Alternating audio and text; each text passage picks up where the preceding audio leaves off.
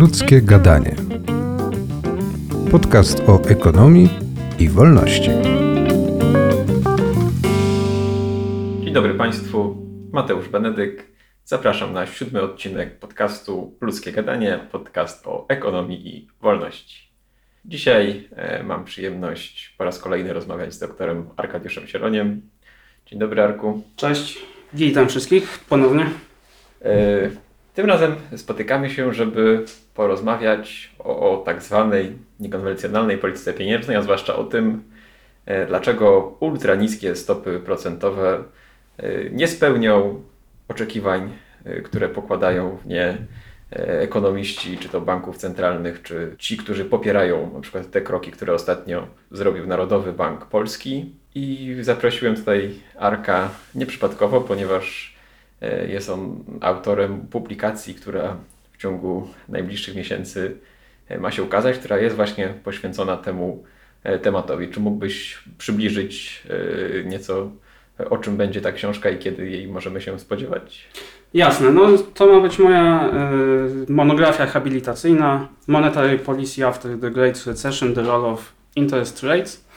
Więc pomyślałem o niej jako takiej kontynuacji mojej, mojego doktoratu o efekcie Cantillona, w którym to badałem pewne skutki wzrostu podaży pieniądza. Natomiast w tej publikacji właśnie chciałbym się skupić na tym, po pierwsze, dlaczego, bardziej konkretnie już nie na podaży pieniądza, a na stopie procentowej, czyli dlaczego ultra niskie stopy procentowe wprowadzone po kryzysie z 2008 roku nie przyspieszyły jakoś radykalnie wzrostu gospodarczego oraz jakie mm, te niskie stopy procentowe mają, czy mogą mieć niekorzystne długoterminowe efekty. To ja tylko naszym słuchaczom przypomnę, że jeśli jeszcze może nie są zainteresowani e, takimi poważnymi naukowymi opracowaniami, to od kilku dni jest w naszym sklepie dostępna książka e, dla najmłodszych, czyli dla e, Waszych dzieci lub dla dzieci Waszych znajomych. Kolejna część przygód bliźniąt Tatyl, bliźnięta Tatyl i potwór z wyspy Jekylla, która właśnie w bardzo przystępny e, i zabawny sposób wprowadza w tematykę pieniądza i inflacji. Temat na czasie bardzo. Niestety tak może być. Ale wróćmy do tej naszej niekonwencjonalnej polityki pieniężnej. Co ekonomiści w ogóle rozumieją przez ten termin e, i gdzie taka niekonwencjonalna polityka pieniężna była w ostatnich latach, dekadach e, praktykowana? No tak, to jest dobre pytanie, bo mm, właściwie czy wciąż mamy taką niekonwencjonalną politykę pieniężną, bo to, co było niekonwencjonalne w 2008 roku, obecnie, te 12 lat później, właściwie niekonwencjonalne już nie jest, bo wiele banków centralnych już y, powszechnie sięga po te niestandardowe instrumenty polityki pieniężnej, nawet takie banki centralne jak Narodowy Bank Polski, więc tutaj ta niekonwencjonalna polityka właściwie stała się konwencjonalna. Ale chodziło o to, że no, do y, tego kryzysu z 2008 roku, jak gdyby bank centralny kupował pewne aktywa, obligacje, aby wpływać na stopy procentowe. Natomiast no, gdy w wyniku kryzysu z 2008 roku te stopy procentowe Fed oraz inne banki centralne obniżyły do zera, no to taka polityka przestała mieć y, rację bytu, bo już tych stóp nie dało się niżej obniżyć. Choć y, w sumie niektóre banki obniżyły poniżej zera nawet, tak. Ale y, więc banki centralne zaczęły kupować aktywa, w ramach tak zwanego luzowania ilościowego, nie po to, aby wpływać na stopy procentowe, tylko aby poprzez inne kanały, na przykład poprzez ceny aktywów, yy, wpływać bezpośrednio, niejako, czy, czy bardziej bezpośrednio na, na gospodarkę, trochę tu z pominięciem tego sektora banko, bankowego, czy z pominięciem właśnie tego kanału stopy procentowej. I w zasadzie tę politykę teraz stosują wszyscy. Właściwie tak. Właściwie tak. Nawet tak egzotyczne banki centralne jak NBP. Yy, tak, z tym, że no NBP jakby był tym bastionem jeszcze konwencjonalnej polityki pieniężnej do obecnego kryzysu, można ją tak powiedzieć. Te stopy procentowe były niskie, ale jeszcze yy, jakoś się od zera odróżniały. Tak.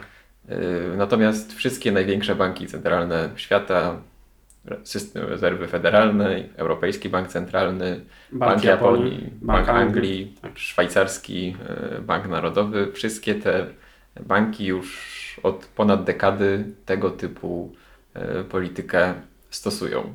Czy ta polityka im wyszła na dobre, czy gospodarkom tych obszarów, które tutaj wymieniliśmy? Nie.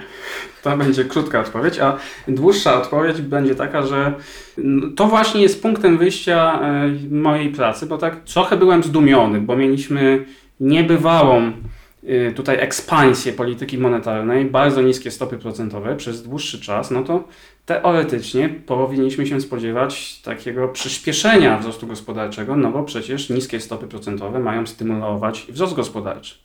Ale co się okazuje? No okazuje się, że, y, że w Stanach Zjednoczonych to ożywienie po wielkiej recesji było najwolniejszym ożywieniem po II wojnie światowej. Więc tutaj no jest pewna zagadka, przynajmniej do y, wyjaśnienia i właśnie tutaj w tej mojej publikacji będę się starał, czy starałem się pokazać, że po pierwsze ta niska stopa procentowa nie musi w pewnych okolicznościach stymulować wzrostu gospodarczego, bo to nie jest tak właśnie, że mm, według ekonomistów keynesowskich i tutaj według wielu głównonurtowych ekonomistów stopa procentowa jest tylko taką przeszkodą, czy jest ceną pieniądza, więc jak obniżymy sobie tę stopę, no to, yy, to, ją, to tym lepiej. Im niższa stopa, tym lepiej. Natomiast jak ekonomiści austriaccy yy, mówią, no stopa procentowa nie jest tylko pewnym kosztem, który trzeba obniżyć do jak najniższego poziomu, ale jest kluczową ceną w gospodarce, czy takim wskaźnikiem, który odpowiada za y, strukturę produkcji, tutaj za konfigurację całej, wszystkich przedsięwzięć biznesowych, całej gospodarki, więc to nie jest coś, czym powinniśmy manipulować, tak? Więc to nie jest tak, że, y, że zawsze będzie tak, że im bardziej obniżymy tę stopę, tym będziemy mieć od razu w automatyczny sposób y, większy wzrost gospodarczy.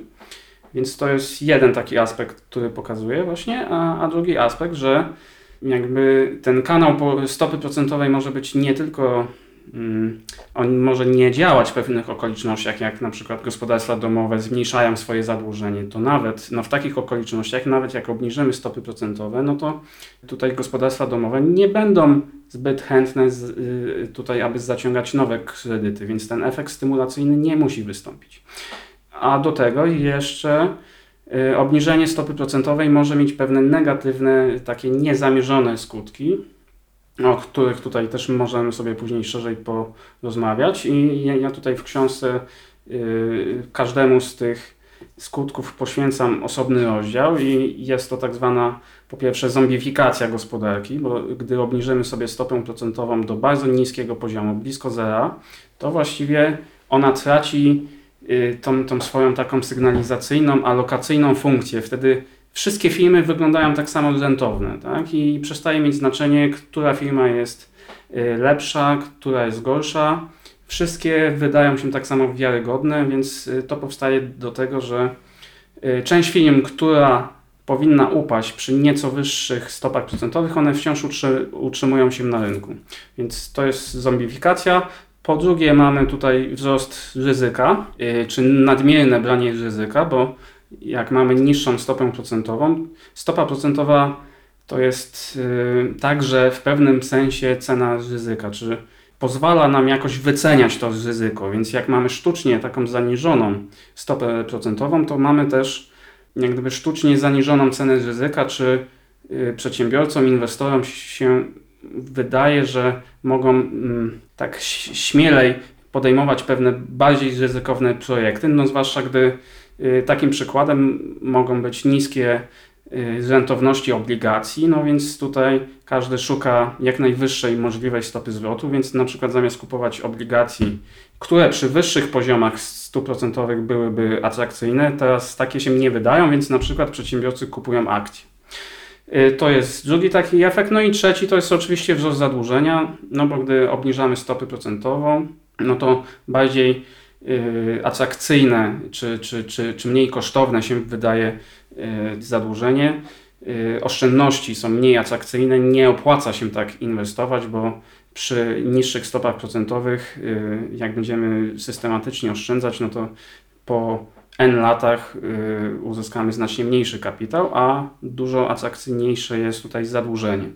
Więc tego typu efekty y, tutaj mamy i te efekty też mogą doprowadzić do tego, że w konsekwencji ta polityka niekonwencjonalna, polityka pieniężna polegająca na utrzymywaniu bardzo długo bardzo niskich stóp procentowych oraz oczywiście sygnalizowaniu tego, też mamy forward guidance, że tutaj będziemy bardzo długo utrzymywać te, te niskie stopy procentowe, że ona może być przeciwskuteczna i nie, nie tylko nie pomagać y, we wzroście gospodarczym, ale nawet mu przeszkadzać. To może jeszcze zanim przejdziemy do tego, żeby bardziej szczegółowo przybliżyć te trzy efekty, o których wspomniałeś, to, to może jeszcze powiedzmy, jak to y, powinno działać y, według zwolenników tej polityki, jak to by się przekładało, że y, ta, te, te niskie stopy procentowe przyniosłyby nam gospodarczy raj. Y, czyli jakby wydaje mi się, że takie tutaj dwa najważniejsze, które się w literaturze y, elementy pojawiają, to że po pierwsze te niskie stopy procentowe zachęcą firmy do tego, żeby one więcej inwestowały, bo skoro mogą się tanio zadłużyć y, w banku, no to więcej projektów inwestycyjnych będzie dla nich bardziej atrakcyjnych, co powoduje stworzenie boomu inwestycyjnego, a drugi to, że na przykład te niskie stopy procentowe podnoszą wycenę takich aktywów jak nieruchomości czy akcji, więc z kolei gospodarstwa domowe, które posiadają tego typu y, aktywa, będą odczuwały, że są bardziej majętne i będą bardziej skłonne więcej wydawać na konsumpcję na przykład, co też oczywiście y, zgodnie z tym powiedzmy keynesowskim skrzywieniem w patrzeniu na gospodarkę także stymulowałoby gospodarczy rozwój.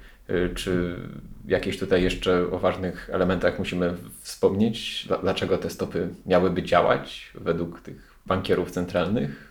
No tutaj słusznie zwróciłeś uwagę na te dwa efekty. No, y, można jeszcze dodać, że właśnie chodzi o to, że y, przy niskich stopach procentowych, jak obniżamy stopę procentową, no to zwiększamy atrakcyjność bieżącej konsumpcji, jak gdyby stymu mamy stymulować bieżącą konsumpcję kosztem tej kosztem oszczędzania, czyli konsumpcji w przyszłości. Czyli trochę sobie tak pożyczamy wzrost gospodarczy y, z przyszłości, to ściągamy do teraźniejszości. No i jak gdyby, y, oczywiście ktoś może się zapytać, no dobrze, ale co będzie jutro, jak pożyczymy sobie z jutra wzrost gospodarczy do dzisiaj? No i tu ekonomiści i głównonurtowi odpowiadają, no jutro sobie pożyczymy z pojutrza. Y, ale no okazuje się, że w pewnym momencie nie można tak sobie bezkosztowo pożyczać z przyszłości wzrostu gospodarczego, tak? Zwłaszcza, że no, y, tutaj dług trzeba spłacać razem z odsetkami. Po drodze możemy mieć cykle koniunkturalne, więc y, to nie jest takie, takie proste. Tak? W pewnym momencie po prostu wpadamy w taką, w taką dziurę i, i już nie, nie da się z czego pożyczać i, i ten wzrost gospodarczy hamuje. Więc ja też trochę podejrzewam, że to spowolnienie gospodarcze po y, tutaj kryzysie z 2008 roku y, właśnie trochę odzwierciedla ten mechanizm, że przed tym kryzysem nadmiernie sobie pożyczyliśmy wzrostu gospodarczego z tej przyszłości i w pewnym momencie jednak y, się w niej znaleźliśmy, tak? więc ten wzrost musiał, musiał zahamować. I tu jeszcze ciekawa kwestia, właśnie po, powiedziałeś tutaj o, o wzroście wycen aktywów finansowych. Właśnie to jest coś, y, to jest bardzo ważne i to jest też coś, co leżało jak gdyby za luzowaniem ilościowym, tak? Że skoro stopy procentowe ok, są już blisko zera, więc nie możemy tam nic zrobić, to może po prostu będziemy dalej kupować te aktywa, aby zwiększyć ich cenę, tak? No i tutaj idea za tym jest taka, ona intuicyjnie się wydaje no, całkiem sensowna, no bo mamy wyższe ceny aktywów, no to ludziom się zwiększa ich majątek, e, wycena ich majątku, no to są bogaci. Jak są bogaci, to będą więcej wydawać. Jak gdyby takie było założenie, tylko coś się okazuje, że no, w rzeczywistości ludzie nie, nie stają się bogaci, a przynajmniej nie, nie wszyscy. No, to znaczy część osób rzeczywiście się staje, ich aktywa są więcej warte, tak? No ale y, zgodnie z efektem Cantillona, no tutaj mamy tak, tak właściwie ten efekt bogactwa on się sprowadza do, w gruncie rzeczy do efektu redystrybucyjnego, więc No bo jak mamy wzrost podaży pieniądza, no to część osób, mm, jak gdyby pieniądze nie tworzą bogactwa, tak? Tylko wzrost podaży pieniądza może nam jakoś redystrybu redystrybuować to bogactwo i w tym przypadku osoby, których aktywa rosną na początku, one są, stają się trochę zamożniejsze, przynajmniej na papierze, bo to też jest inna kwestia. Niekoniecznie muszą to materializować te, te zyski. Tak? Natomiast no, jest też konsekwencja, że osoby, które na przykład wchodzą na rynek pracy, czy młode osoby, które y, zaczynają pracę i chciałyby założyć, y, nie wiem, rodzinę i mieć większe mieszkanie, no to one się stykają z bardzo wysokimi cenami mieszkań, więc Więc tak naprawdę ten efekt majątkowy on, on jest dosyć kontrowersyjny, bym powiedział, i w gruncie rzeczy sprowadza się wyłącznie do redystrybucji y, majątku i dochodu pomiędzy członkami społeczeństwa. I to jeszcze o tyle jest ciekawe, że no, to musi być co do zasady redystrybucja od tych nieposiadających aktywów, od tych najbiedniejszych do tych najbogatszych, do tych, którzy posiadają nieruchomości, posiadają y, duży kapitał ulokowany na rynkach finansowych, więc jakby jest to zabawa w to, żeby bogatsi stali się jeszcze bogatszymi. Tak, no, y, są też badania, które pokazują,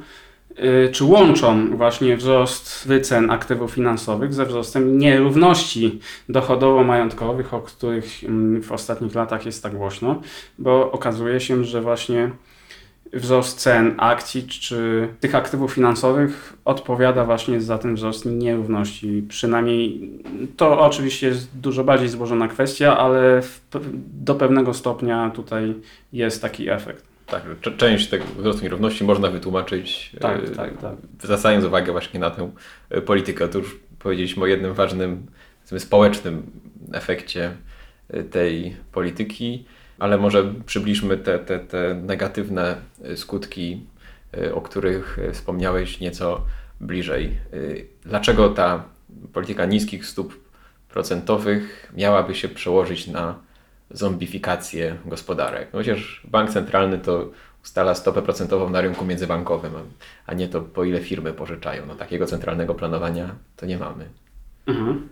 No, no tak, no ale później mamy, jak gdyby mamy transmisję tych, tych stóp procentowych y, dalej, no i też jak, jak banki mogą, jak gdyby ma, mają bardziej atrakcyjną stopę procentową, to później mogą też oferować trochę luźniejsze tutaj warunki kredytowe firmom, więc to, to też jakoś y, dotyka firmy.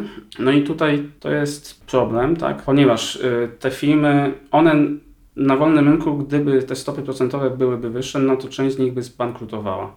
Ale ponieważ stopy procentowe są niskie, no to one mogą zaciągać kolejne kredyty i jakoś utrzymywać się na rynku.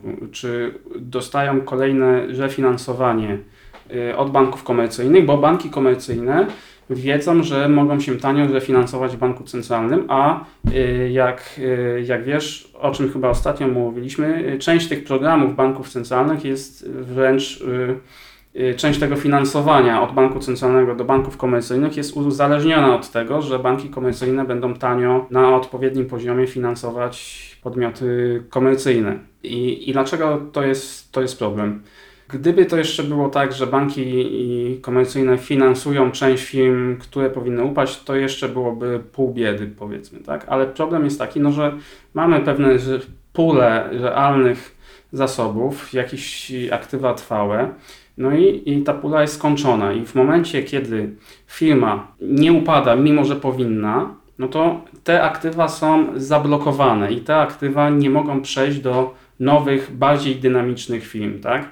Czyli ten szumpeterowski proces twórczej destrukcji jest zaburzony. I no to, to jest wielki paradoks, bo po wielkim, y, po kryzysie z 2008 roku skala bankructw była relatywnie niewielka. Po y, największym kryzysie finansowym, ekonomicznym od y, Wielkiej Depresji powinniśmy się spodziewać masowych bankructw tak naprawdę, tak? A tego nie widzieliśmy i być może właśnie Yy, Częściowo tego nie widzieliśmy, bo mamy do czynienia z taką postępującą zombifikacją gospodarki, która by też tłumaczyła spadek produktywności, który obserwujemy w wielu krajach, tak? No bo te filmy zombie, no one z, z definicji niejako są mniej produktywne od innych film na rynku i dlatego by upadły na wolnym rynku, tak? One nie upadają, więc obniżają produktywność yy, w całej gospodarce. Mamy firmy zombie i czy jakby możemy powiedzieć, ile takich firm jest, ile one tych aktywów y, kontrolują, jaką część tego spowolnienia ekonomiści próbują wyjaśnić właśnie istnieniem takich firm? Tak, no y, to zależy od kraju i y, na, najwięcej prawdopodobnie jest, czy było w Japonii i tutaj tę straconą dekadę, czy dwie, a może i więcej, a może i trzy, y, kto da więcej, y, można tłumaczyć właśnie taką zombifikacją gospodarki. Y, Również w wielu krajach europejskich y, też nie, nie jest najlepiej. I, y, mam na myśli tutaj na przykład Włochy czy Portugalię. No w Stanach jest, je- jest, jest trochę lepiej pod tym względem, ale wydaje mi się, że, że Stany podążają tutaj ścieżką europejską. Te badania, które ja wiedziałem tam, teoretycznie tych, y, udział tych zombie film jeszcze nie jest taki duży, bo to jest kilka, kilkanaście procent, ale bardzo często jest to kilka, kilkanaście procent największych spółek. Co ciekawe, nawet wśród spółek notowanych na giełdach mamy spółki zombie, co, co mnie bardzo zdziwiło. A, a pewnie jak sobie byśmy policzyli tutaj w skali także mniejszych czy średnich biznesów, ten y, odsetek mógłby być większy. I co jeszcze ważniejsze, bo sam udział tych firm nie jest taki, nie jest na, najważniejszy tak naprawdę, tak? Bo y, okazuje się, że y, nawet powiedzmy jak tych firm jest 5%, to one często mają, y, jak gdyby odpowiadają, czy są w posiadaniu 10% kapitału w gospodarce, tak? Czyli mają jakby więcej zasobów, realnych zasobów, niż by to wynikało tutaj proporcjonalnie, jak gdyby co do liczby firm. Więc to jest, to jest bardzo ważna kwestia, yy, bo mamy ten efekt właśnie zamrożenia aktywów, które mogłyby być po prostu produktywniej wykorzystywane przez nowe podmioty. No bo mm, te obecnie istniejące podmioty na rynku też są bardzo ważne, ale tak naprawdę ta, y, jak sobie popatrzymy hi- historycznie, no to ta, ta największa dynamika Ona się bierze z tego, że wchodzą nowe podmioty z nowymi pomysłami, z nową wizją, yy, z, no, z nowymi takimi metodami biznesowymi i to one napędzają ten wzrost go- gospodarczy. Jak, jak mamy takie bariery wejścia na, na rynek, czy, czy, czy mamy zawyżoną cenę aktywów, no to, no to pojawia się problem i obniżona dynamika wzrostu. No tak, bo to oznacza, że ta firma wtedy nie jest w stanie sobie pozwolić na pracowników, y, którzy tkwią w tamtych korporacjach, tak, czyli nie może wynająć powierzchni biurowej, etc. Tak, są realne osobowe, zasobowe ograniczenia, Tak. które y, jakby ta, ta strefa finansowa ma wyraźne przełożenie na to, w jakim świecie żyjemy, w jakim świecie y, ludzie prowadzą y, biznesy. Więc te niskie stopy procentowe są łączone tak, także powiedzmy w literaturze głównonurtowej, tak, to zdaje się, że między innymi Bank Rozliczeń Międzynarodowych y, regularnie publikuje informacje na ten temat za jeden z tych właśnie negatywnych y, trendów, jakie się pojawiły w gospodarce y, światowej w ostatnich latach. A czy jest to wyraźnie wiązane z tą polityką niskich stóp procentowych, czy, czy tutaj są kontrowersje? Y, Raczej tak. Raczej, to znaczy w tym właśnie artykule Banku z Rozrachunków Międzynarodowych, tam, tam, tam to było łączone y, z poziomem stóp procentowych oraz chyba z poziomem rentowności banków komercyjnych. Y, No, na który to poziom stopy procentowe też mają wpływ, więc, y, więc tak, bo o tym też oczywiście i, i, i są raporty OECD i chyba Banku Światowego. Tam tak y, nie wypowiadano się jednoznacznie, czy to kwestia niskich stóp procentowych, czy jakichś innych y, czynników, no ale wydaje mi się, że trudno mi tu znaleźć dużo więcej potencjalnych kandydatów. Myślę, że, że poziom stóp procentowych jest takim najsilniejszym kandydatem. Y, To co w takim razie z tą wyceną ryzyka, kolejnym elementem, o którym na początku wspominałeś? Jak te niskie stopy procentowe zaburzają wycenę ryzyka i jakie to ma z kolei e, efekty dla działania gospodarki? Mhm. No tak, to, to też jest bardzo ciekawa kwestia. No i okazuje się, że stopa procentowa, tak, tak stopę procentową, może, taką rynkową możemy sobie rozbić tak konceptualnie na, na, na trzy składniki, na taką powiedzmy czystą stopę procentową, która odpowiada za alokację tutaj w czasie, za premię inflacyjną oraz właśnie za premię za ryzyko, czyli taką powiedzmy cenę podjęcia przez y, inwestorów czy przedsiębiorców dodatkowego ryzyka. No i co tu się okazuje, że jak bank centralny obniża stopę procentową do bardzo ni- niskiego poziomu, no to na przykład rentowności obligacji skarbowych też spadają, tak? No i teraz pojawia się problem dla wielu inwestorów, y, czy to instytucjonalnych, czy indywidualnych, którzy na przykład y, mają jakąś Mówię tu teraz o inwestorach instytucjonalnych, na przykład o towarzystwach emerytalnych, czy towarzystwach ubezpieczeniowych, czy, czy funduszach, którzy obiecali ja, jakiś poziom, jakąś stopę zwrotu dla swoich inwestorów. No i teraz, jak y, oprocentowanie rentowności obligacji skarbowych, czyli takich w miarę bezpiecznych, powiedzmy, instrumentów, jeśli to nie są obligacje greckie albo argentyńskie, no to no to po, pojawia się takie zjawisko jak pogoń za y, yieldem, czy za y, rentownością, tak? Jak gdyby jedyną możliwością osiągnięcia wyższej stopy zwrotu jest y, zaakceptowanie wyższego ryzyka.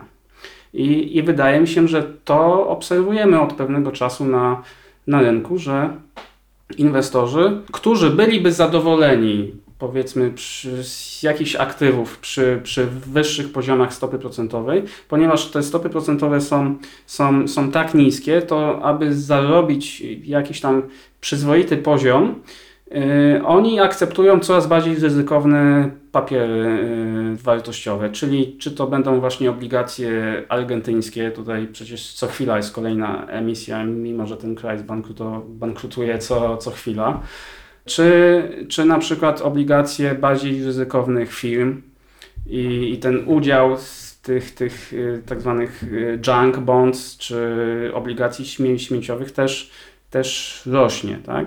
Czy także to dotyczy tak naprawdę banków? Też są, są badania, które pokazują, że jakość udzielanych kredytów przez banki komercyjne, ona też maleje wraz z upływem czasu, tak? No bo przy niskich stopach procentowych taki bezpieczny, standardowy kredyt nie jest już tak atrakcyjny jak kredyt udzielony jakiemuś bardziej ryzykownemu podmiotowi. Tak? Więc to i niektórzy mówią, że, że ten nieustanny, na przykład teraz obserwujemy cały czas wzrost y, cen akcji i właściwie teraz indeksy giełdowe powróciły niemalże do poziomu sprzed pandemii, co dla niektórych jest dosyć szokujące biorąc pod uwagę tu te konsekwencje gospodarcze pandemii.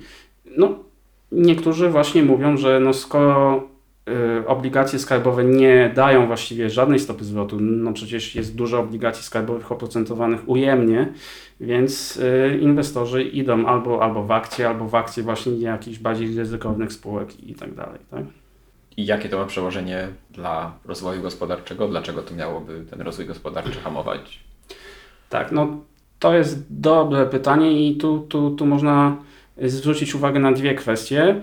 Y, No ta pierwsza oczywista jest taka, że jak y, inwestorzy czy przedsiębiorcy ponoszą za dużo ryzyka niż jest to niejako usprawiedliwione przez fundamenty gospodarcze, no to mamy większe ryzyko cykli koniunkturalnych czy jakichś kryzysów, y, tego typu zjawisk, baniek spekulacyjnych, no i to może, mm, to może hamować wzro- wzrost gospodarczy. Tak, zwłaszcza, zwłaszcza pęknięcie baniek, czy, czy nawet powstawanie baniek, tak? Jak mieliśmy bańkę mieszkaniową, no przecież sektor konstrukcyjny jest relatywnie mało produktywny, więc aktywa szły w sektor właśnie budowlany zamiast do bardziej produktywnych sektorów, tak, więc to nam obniża produktywność. To jest jeden aspekt, E, a drugi aspekt tu niektórzy mówią i, i próbują właśnie łączyć, tak, no bo to może się wydawać takie nieco paradoksalne, że z jednej strony mamy zombifikację, a z drugiej strony mamy nadmierne ryzyko. Ale może właśnie jest tak, że przedsiębiorcy ponoszą nadmierne ryzyko i jeszcze jakby inwestują w błędne właśnie przedsięwzięcia, czyli bardziej y, się skupiają tutaj na aspektach finansowych, trochę mniej na y, co jest łatwiejsze tak naprawdę. Uciekają w taką bezpieczniejszą trochę sferę aktywów finansowych, a mniej inwestują w długoterminowe przedsięwzięcia inwestycyjne y, w jakieś aktywa trwałe, tak? Bo zwłaszcza jak mamy, jak sobie do tego dodamy różne regulacje, jakąś reżimową niepewność, yy, wojnę handlową i tak dalej, i tak dalej, to część inwestorów może powiedzieć, że zamiast podejmować jakiś taki projekt inwestycyjny, który by zwiększył produktywność realnej gospodarki, ale on, on by trwał gdzie 10 lat, tak? No to jest olbrzymia niepewność. Yy, Więc może łatwiej jest po prostu kupić akcje innych, yy, innych, innych firm, tak? Y, Okej, a trzeci punkt, o którym mówiłeś, to wzrost długu. Dlaczego wzrost długu y, miałby nastąpić? Czy nastąpił i jakie są tego złe konsekwencje? No, y, no nastąpił, tak? Y, Może trochę tylko gospodarstwa domowe w Stanach Zjednoczonych rzeczywiście trochę zmniejszyły poziom swojego zadłużenia po kryzysie z 2008, ale zarówno zadłużenie przedsiębiorstw mm, niefinansowych wzrosło, no a zadłużenie, zadłużenie państwowe, zadłużenie publiczne mocno wzrosło praktycznie wszędzie. Y, Teraz oczywiście to jeszcze y, przyspieszyło ze względu na pandemię, więc to ten dług taki globalny, tak, ten jest jeszcze większy poziom zadłużenia niż w momencie kryzysu w 2008 roku. No i dlaczego to jest niebezpieczne? No y, cóż, no, im większy poziom zadłużenia, tym mniejsza mniejsza stabilność finansowa, tym większa wrażliwość zarówno gospodarstw domowych, jak i przedsiębiorstw, jak i państw, więc y, to zmniejsza, no zmniejsza to stabilność całego systemu, tak? Y, to też pe- pewnie jakoś ta pandemia też mogła pokazać, że y, no te podmioty, które były relatywnie niezadłużone, a, a najlepiej jakby jeszcze miały oszczędności, no to one przeszły bezproblemowo suchą stopą przez te zawirowania. Natomiast no, podmioty bez oszczędności, a w szczególności silnie zadłużone, no, są, są bardzo narażone tutaj na jakikolwiek negatywny y, szok. Więc to jest, to jest jedna, jedna kwestia. No i tutaj jest jeszcze, y, warto zwrócić uwagę może na, na ten dług publiczny, bo to jest, y, mm, to jest taka kwestia, wydaje mi się, bardzo ważna, że mamy pewne takie sprzężenie zwrotne między y, zadłużeniem a poziomem stóp procentowych, tak? I między polityką fiskalną a polityką monetarną, tak? No, czyli w skrócie, im większe zadłużenie, tym trudniej jest później podnieść stopy procentowe, tak? Bo y, skarb państwa jest silniej narażony na mm, wzrost stopy procentowej, na wzrost tutaj kosztów pożyczkowych, tak? Y, Na, y, Im wyższa stopa procentowa, no tym, tym, tym więcej rząd musi płacić za obsługę zadłużenia, tak? Im, im wyższy dług, tym te, te płatności rosną. Więc wydaje mi się, że, że to zadłużenie jest bardzo nie, niebezpieczne, bo możemy wpaść w taką pułapkę zadłużeniową, tak? Czyli to jest je- pod prąd trochę temu, co mówi główny nurt, bo główny nurt mówi, że no, skoro stopy procentowe są niskie, to możemy zwiększyć zadłużenie, tak? No, no bo to praktycznie nic nie, nie kosztuje, tak? Tylko w, pe- w pewnym momencie właśnie można wpaść w taką pułapkę zadłużeniową, że no okej, tutaj z- zwiększamy, zwiększamy dług, ale bo stopy są niskie, ale te stopy no trudno będzie je zwiększyć, tak? Bez narażania stabilności finansów publicznych tutaj na, na, na szwank, tak? A czy możemy w takim razie powiedzieć, że jakby te niskie stopy procentowe też powodują, że jednak y, ta, ta większa pula oszczędności społeczeństwa trafia do sektora publicznego i jest wydawana na konsumpcję głównie i transfery kierowane przez rząd, a nie na inwestycje, które są kierowane przez prywatne podmioty? No tak, tak, tak. Oczywiście, tak. Od tego powinienem był zacząć w sumie, że po prostu więcej zasobów trafia do, do sektora publicznego, no, który co do zasady jest mniej produktywny od sektora prywatnego.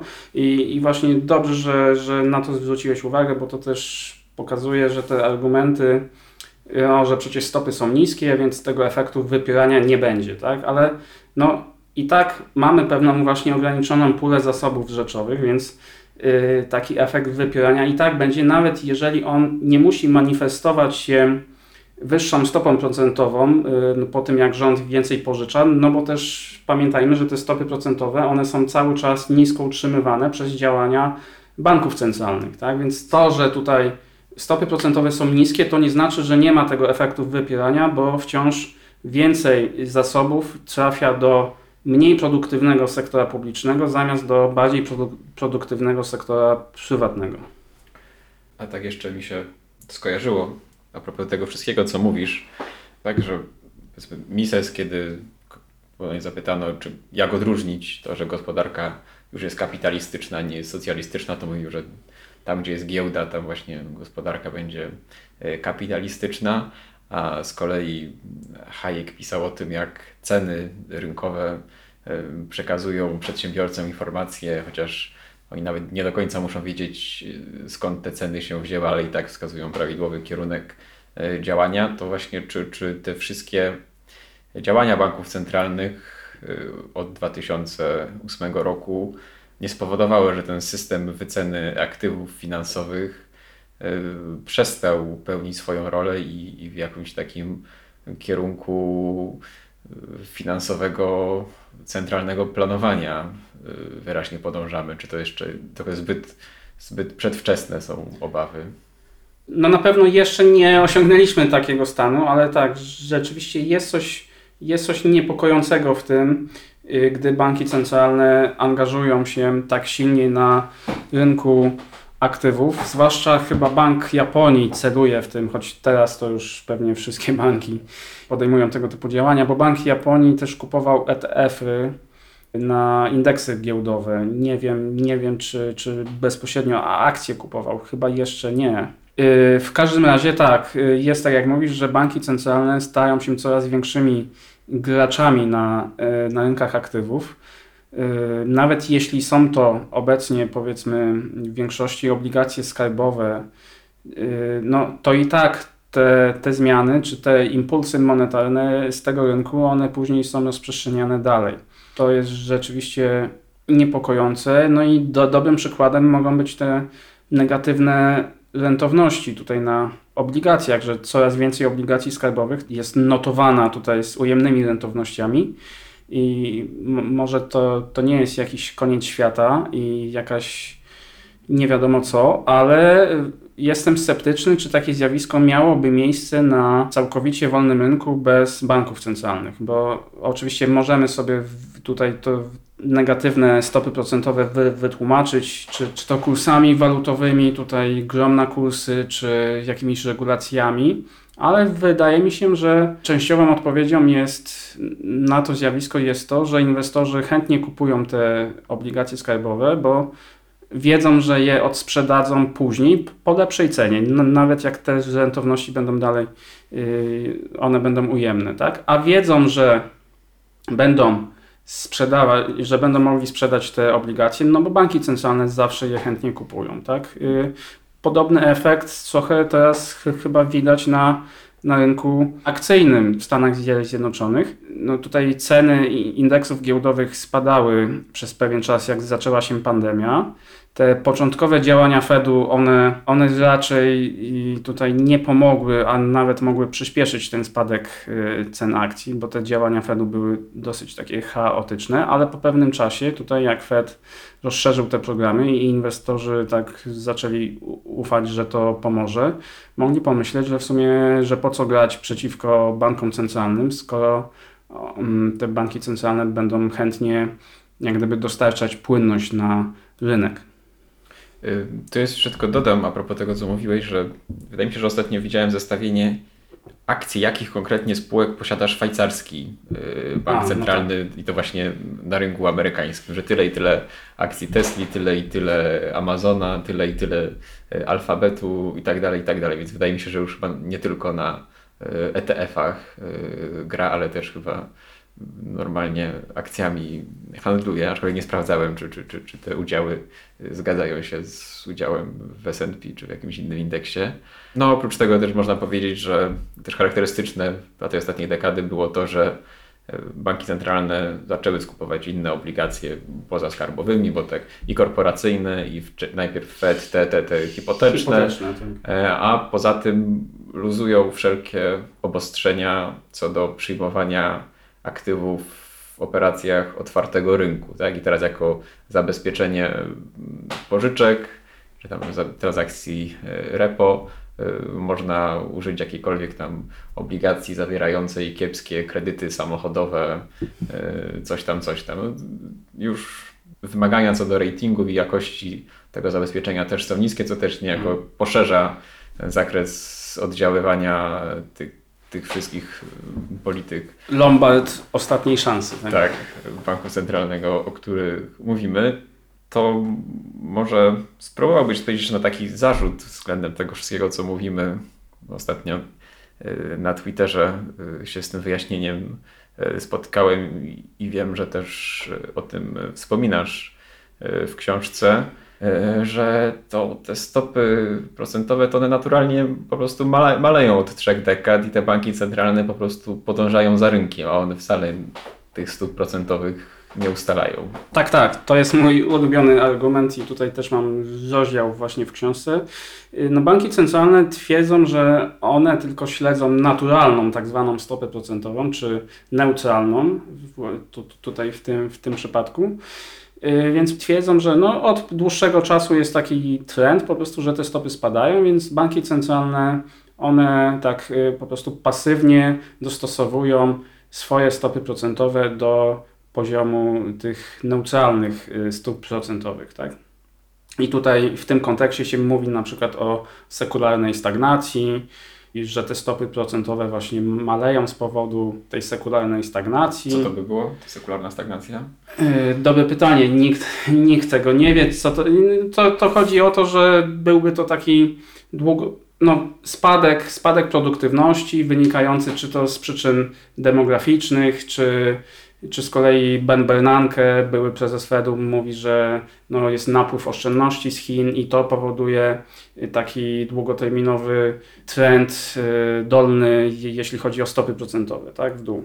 Yy, No ja się nie do końca yy, z tą koncepcją zgadzam i pokazuję w książce, no, że to że działania banków centralnych, no, że to nie są tacy pasywni gracze, którzy tylko reagują na to, co się dzieje w gospodarce, no ale realnie wpływają na, y, na gospodarkę na, i, i na poziom tych y, neutralnych stóp procentowych. Tak? No, no, no, to w ogóle jest problem z tymi neutralnymi stopami procentowymi, bo one nie są obserwowalne, tak? one właściwie nie, nie istnieją. To jest pewien koncept.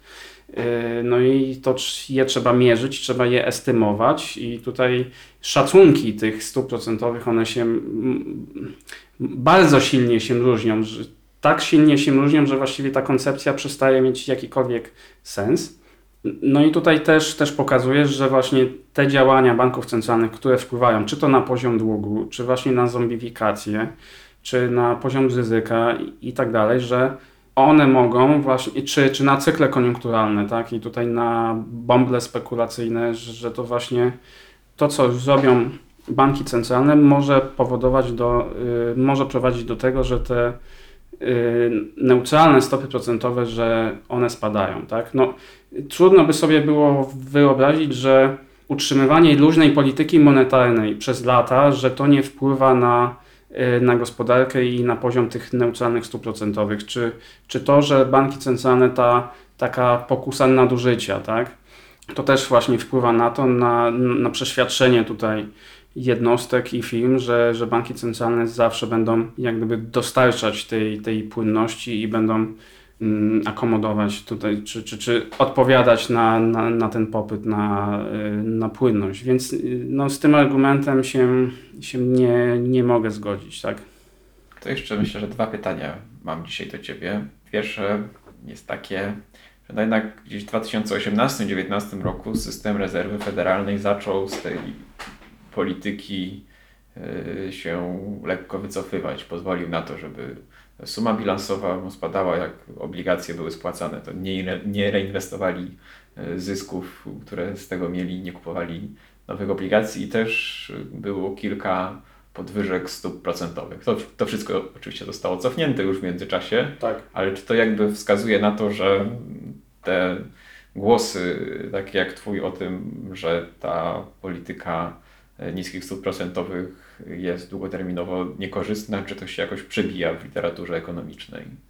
Póki co nie wi- widziałem jakichś badań na ten temat, bo to ch- chyba jest za, za świeża sprawa, ale to, że rzeczywiście powinno dać do myślenia, no bo prze, prze, przecież też y, narracja była taka y, banków centralnych, Fedu, że no dobrze, mamy teraz obniżamy te stopy procentowe do zera i mamy luzowanie ilościowe i zwiększamy sumę bilansową, ale jak tylko gospodarka wróci do formy, no to natychmiast cofamy wszystkie te działania. No i co się okazuje, że dopiero zaczęli, tak jak mówisz, normalizować politykę monetarną w 2015 roku, tak? Czyli no, trochę im to zajęło i mimo, że gospodarka no, jakoś tam y, wróciła do, do formy wcześniej, tak? I udało im się trochę podwyższyć sto, te, te stopy procentowe, co, co zaczęła Jelen i, i później Powell też, też podwyższył w 2018, tak? Były, było kil, były chyba cztery podwyżki nawet, tak?